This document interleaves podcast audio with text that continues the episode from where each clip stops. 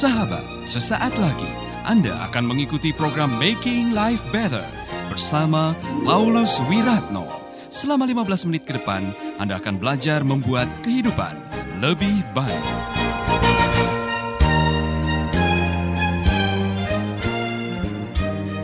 Uria dikirim suruh berperang di depan sendiri. Ya matilah dia. Saudara tahu waktu Daud mendengar Uria sudah mati, langsung dia ambil Bathsheba jadi istrinya.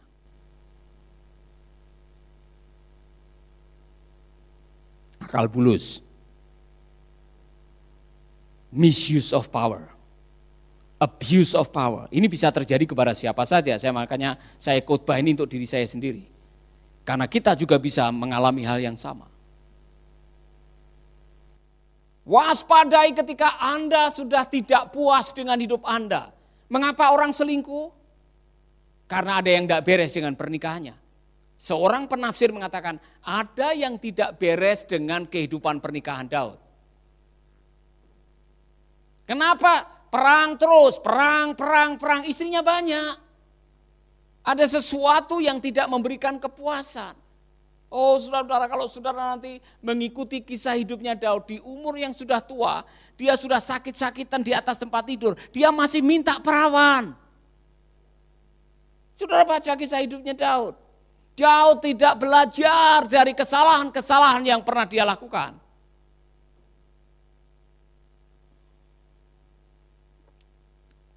Ketiga, kondisi ketiga yang bisa menjatuhkan anak. Yang pertama, apa tadi? Saat Anda berada di atas. Yang kedua, saat hidup Anda tidak puas. Yang ketiga, saat Anda melanggar batas.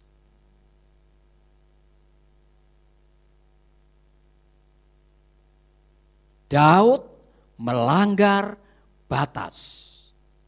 Daud melanggar batas. Tuhan memberikan batasan dalam hidup kita untuk kebahagiaan kita. Ketika Anda sudah tahu, biasanya kalau saudara pergi ke pinggir jurang, itu ada pagar. Pagar itu dibuat untuk siapa? Untuk kita supaya bisa menikmati perjalanan dan tidak jatuh ke jurang.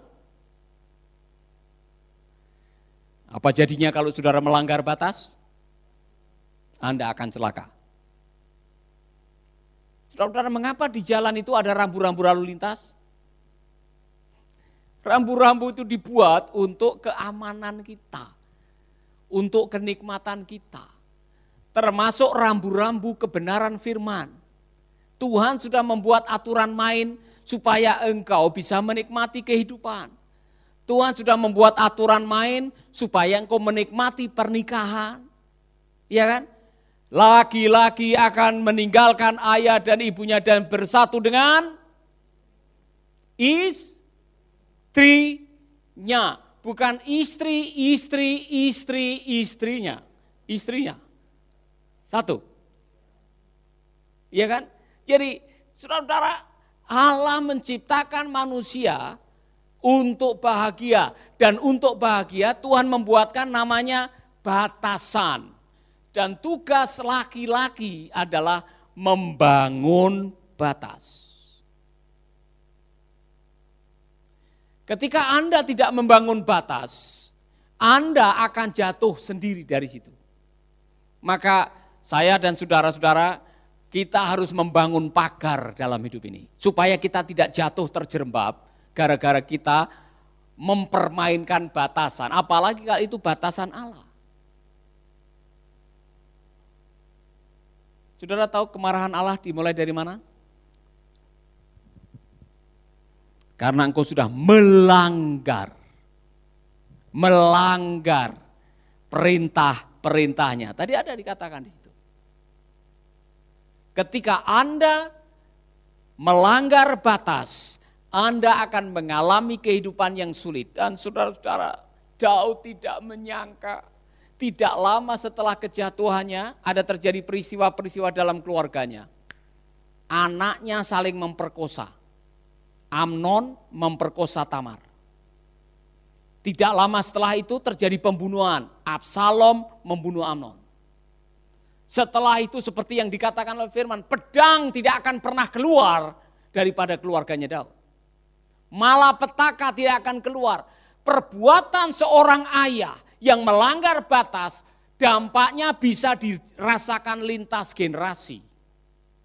Ayah, hati-hati. Siapa yang ngajari Amnon memperkosa Tamar, dia lihat papanya main perempuan dengan banyak orang. Dari mana Salomo bisa punya 300 istri dan 700 simpenan? Ya kan? Bapaknya. Jadi bapak apa yang dilakukan oleh seorang ayah itu dilihat oleh anak-anaknya. Kalau bapaknya tukang bohong, anak-anaknya tidak usah diajarin, dia bisa berbohong ngikuti bapaknya. Kalau bapaknya tukang selingkuh, anak-anaknya mengamati. Oh bapak aja melakukan, seperti itu. Jangan khotbahi saya, tunjukkan kelakuanmu yang menjadi teladan bagi saya. Amin. Bapak, untuk bapak-bapak, tanggung jawab Anda sebagai seorang ayah cukup ber, uh, cukup besar.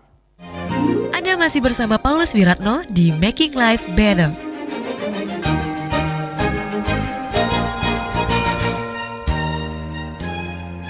maka benarlah yang dikatakan warisan terbaik yang bisa Anda wariskan untuk anak-anak Anda adalah nilai hidup Anda. Bukan uang, bukan deposito, bukan ATM, bukan sertifikat mobil atau tanah. Warisan terbesar yang akan dibawa sepanjang masa oleh anak-anak saudara adalah nilai hidup saudara dan iman saudara. Saudara tidak punya apa-apa, tapi kalau bisa mewariskan keteladanan hidup, anak-anak saudara tidak akan pernah lupa.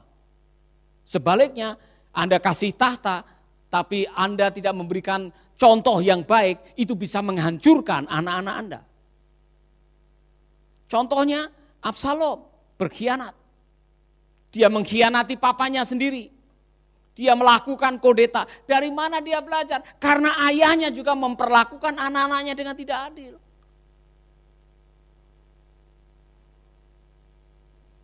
Belajarlah. Masih ada satu lagi, nanti kita lanjutkan karena waktu. Saya hanya mau mengajak saudara-saudara ingat tiga kondisi yang bisa menjatuhkan saudara. Satu, saat Anda ada di atas. Dua, saat hati Anda tidak puas. Tiga, saat Anda melanggar batas.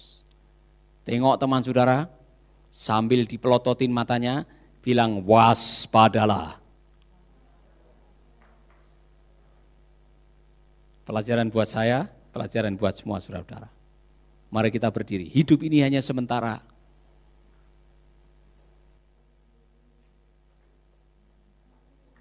Jangan pernah mengandalkan kekuasaan, kekayaan, ketenaran. Belajarlah mengandalkan firman Tuhan. Pegang erat. Terang firmannya, bukan mengandalkan yang lain. Kalau Anda mengandalkan yang lain, Anda bisa jatuh. Ingat lagu ini saudara-saudara? Sudah lama tidak menyanyikan. Hidup ini. D mungkin.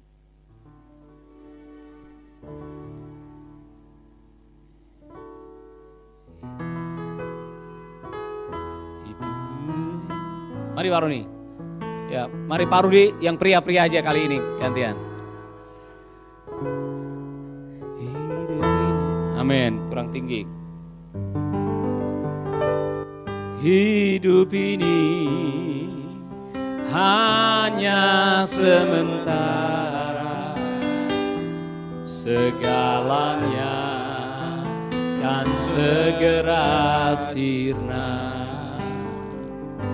jangan andalkan harta dunia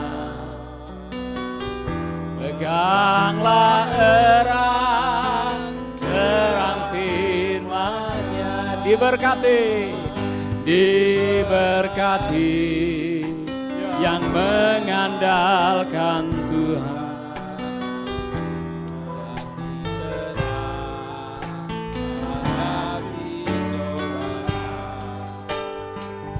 Bagai daun tak pernah kekeringan. Bersuka cita amin.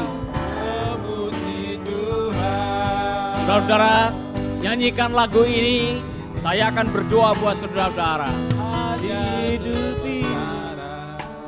hanya sementara. Segalanya. Segalanya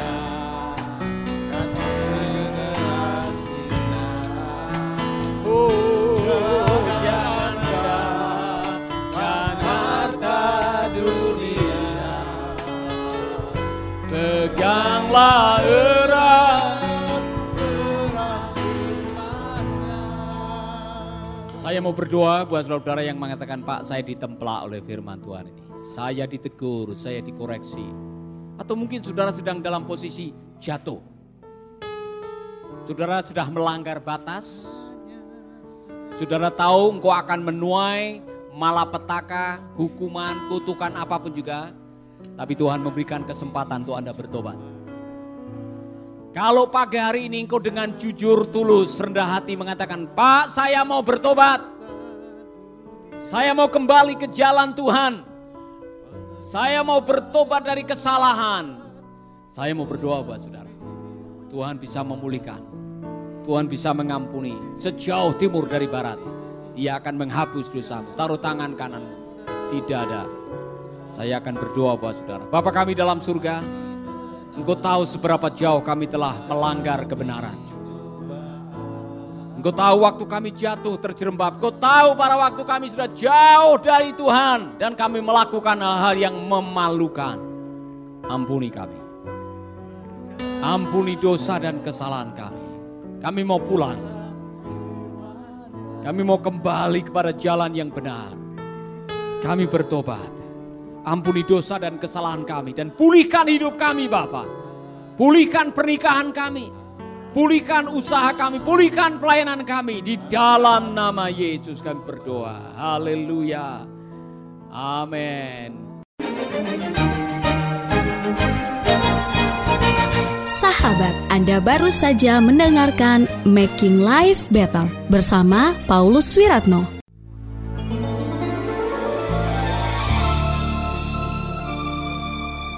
Keluarga Gracia, biarlah firman Tuhan selalu menjadi pelita dalam hidup kita sepanjang tahun ini.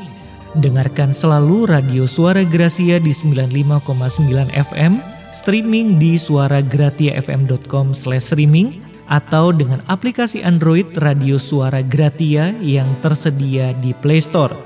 Jika Anda diberkati oleh siaran suara Grasi FM dan mengalami kuasa mujizat Tuhan, mari menjadi berkat dengan mengirimkan kesaksian ke WhatsApp Radio Suara Grasi FM di 0817 222 Biarlah melalui kesaksian Anda, banyak jiwa dikuatkan dan dibangkitkan kembali imannya. Tuhan memberkati.